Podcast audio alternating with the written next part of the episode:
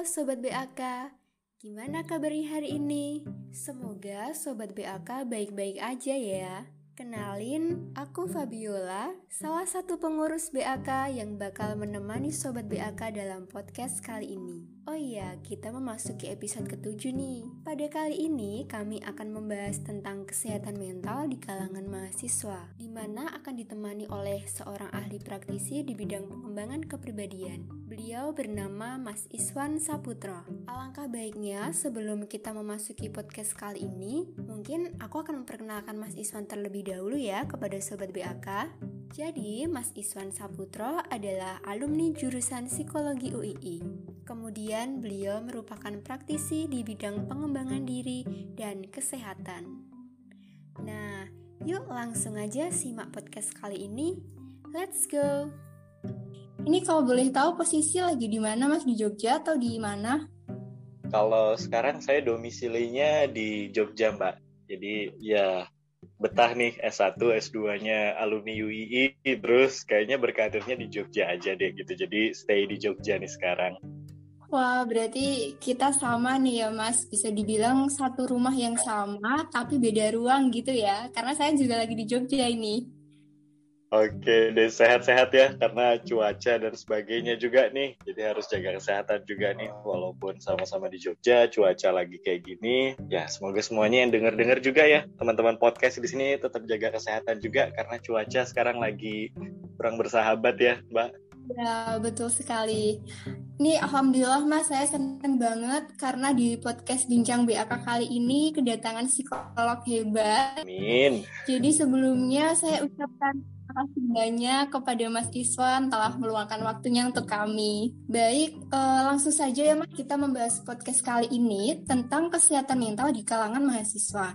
Jadi belakangan ini kalau melihat uh, keadaan sekitar terjadi sebuah fenomena yang cukup menarik nih Mas.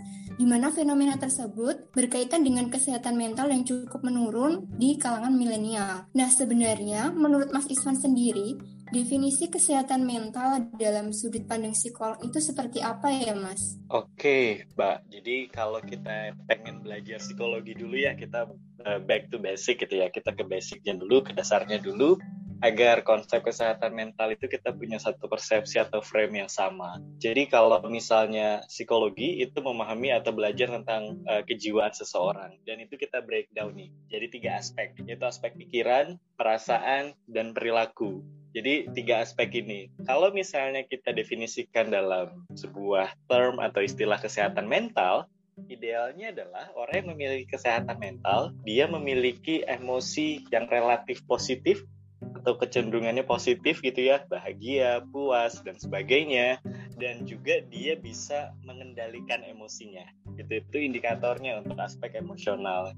Untuk aspek pikiran, dia relatif bisa positive thinking gitu. Dia bisa berpikir rasional, pikir logis, itu yang sehat secara pikiran gitu. Jadi ketika dia melihat sesuatu, dia bisa melihatnya secara objektif, secara berimbang. Uh, kemudian kalau secara perilaku, orang memiliki kesehatan mental dari segi atau aspek perilakunya, dia bisa memberikan kontribusi kepada orang lain, produktif, kemudian juga, dia juga memiliki uh, pola hidup yang sehat dan yang pastinya juga secara kesehatan uh, relatif sehat. Jadi kalau saya membreakdownnya dari tiga itu dulu nih, Mbak Fabiola. Jadi dari pikiran, perasaan, dan perilaku. Karena definisi uh, patomnya atau definisi pastinya itu kesehatan mental itu tergantung melihat dari sudut pandang mana. Tapi kalau dari sudut pandang saya, melihatnya biasanya dari tiga aspek itu, Mbak. Jadi intinya ketika kita memiliki energi positif yang full nih, itu artinya mental kita sehat gitu ya? Iya, benar sekali. Jadi relatif uh, lebih fit gitu ya. Kalau kita kan berbicara sehat fisik itu kan ada indikatornya ya. Wah, uh, tidurnya sehat, pola makannya bagus, dan sebagainya. Ya, analoginya juga sama dengan kesehatan mental. Ketika energinya itu positif, cara kita berpikir, cara kita mengendalikan emosi, dan cara kita berperilaku juga akan ikut positif. Iya, menarik sekali nih. Lalu Mas, uh, fenomena kesehatan mental di kalangan mahasiswa nih khususnya ya, itu kan juga cenderung menurun. Menurut Mas Iswan sendiri melihat hal seperti itu gimana itu Mas?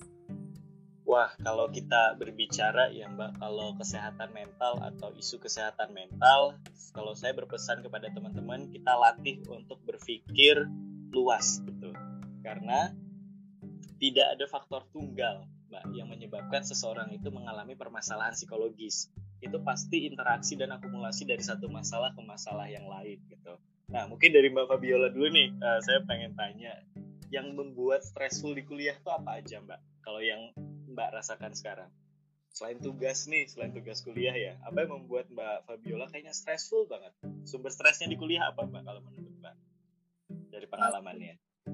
Kalau saya yang utama itu membagi waktunya ya Pak, antara nanti tugas pastinya, lalu nanti ada kegiatan di luar kuliah, nah lalu nanti ini juga lagi pandemi, jadi kan di rumah aja ya, ada tugas juga yang harus diselesaikan di rumah. Oke, ada lagi nggak mbak selain itu? Dari segi pergaulan mungkin? Dari segi pergaulan mungkin uh, cenderung lebih menyempit ya mas kalau semakin ke sini itu. Ya jadi uh, kalau misalnya ditanya nih kenapa di kalangan mahasiswa sekarang itu uh, isu kesehatan mentalnya apalagi ditambah konteks pandemi ya mbak itu meningkat? ya, pertama adalah seperti ini kita harus memahami dulu juga terkait konsep psikologi atau konsep stres itu sendiri dari sudut pandang psikologi jadi uh, teman-teman yang mendengarkan podcast ini, stres itu adalah hal yang wajar nih. Stres itu adalah hal yang wajar sebenarnya. Nah, tapi yang menjadi sumber stres itu macam-macam nih, Mbak. Kalau tadi dari ceritanya Mbak Fabiola kan itu manajemen prioritas ya, kuliah ya. atau pekerjaan di rumah gitu ya, atau organisasi dan sebagainya. Tapi satu hal nih teman-teman yang kita harus pahami terkait konsep stres. Stres itu biasanya muncul ketika ada proses adaptasi.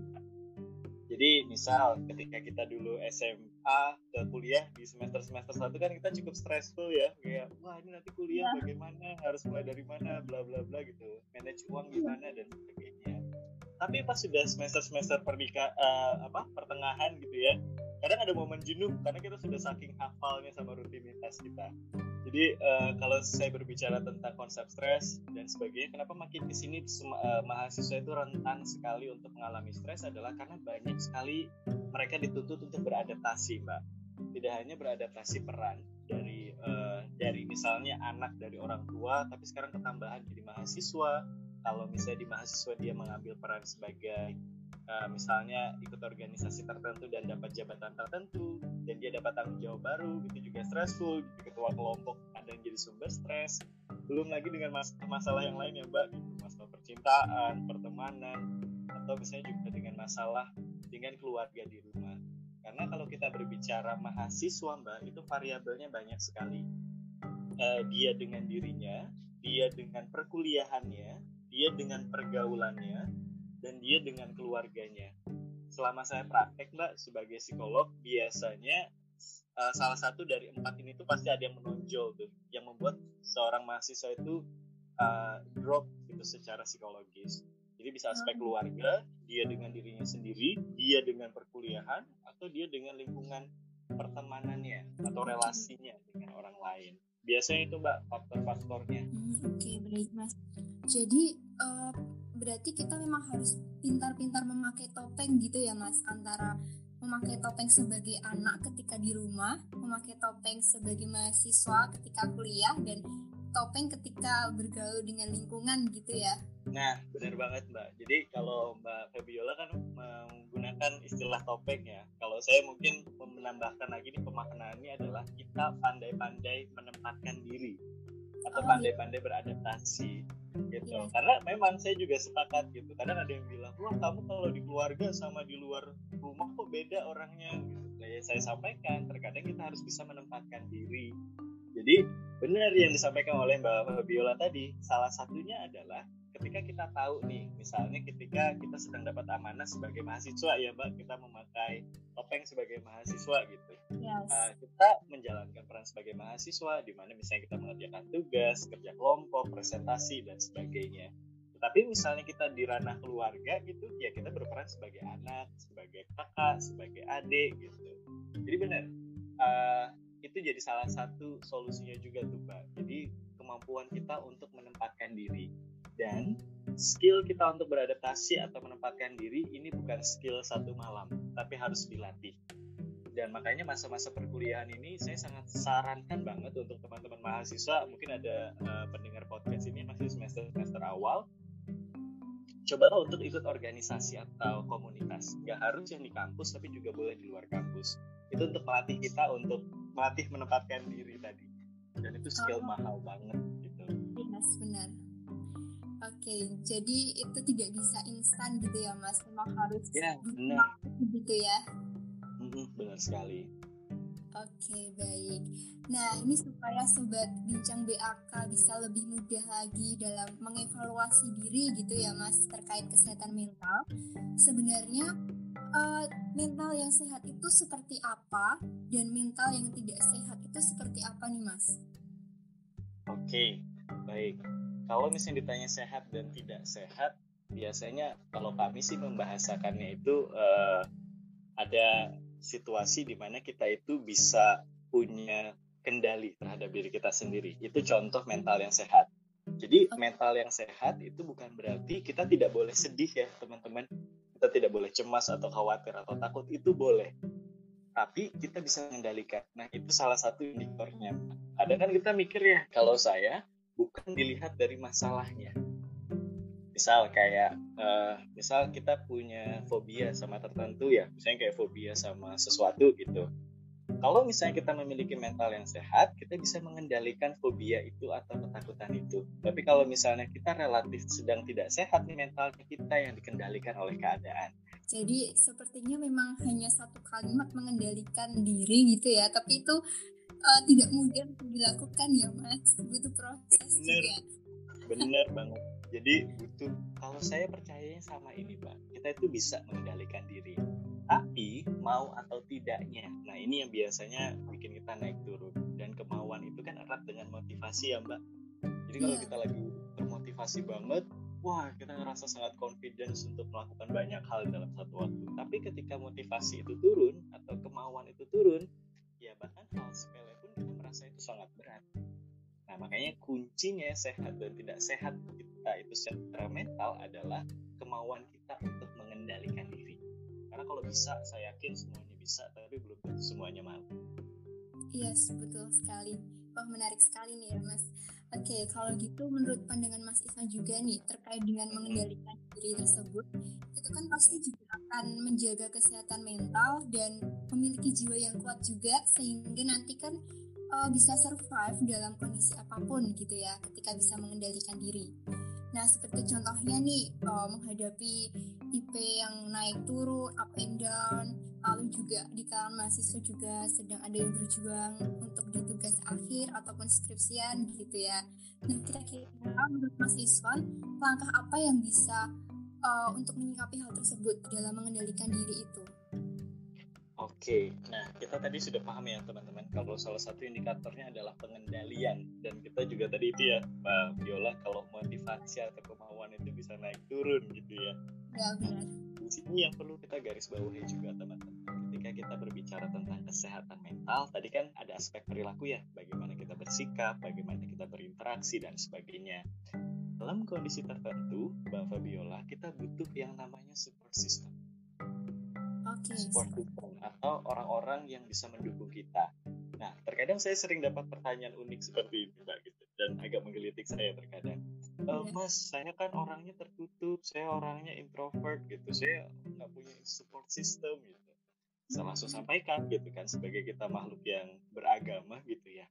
Apakah yeah. kamu pernah berpikir kalau Tuhanmu itu adalah support system utama? Ya, langsung diam tapi terkadang kita lupa support system itu kita persempit di situ definisinya. Padahal support system itu juga bisa dari uh, Allah gitu dari Tuhan. Yeah. makanya terkadang sana itu satu kemudian yang kedua support system tadi misalnya selain uh, Tuhan ya selain Allah kita juga meyakini kalau support system itu bisa datang dari orang-orang terdekat.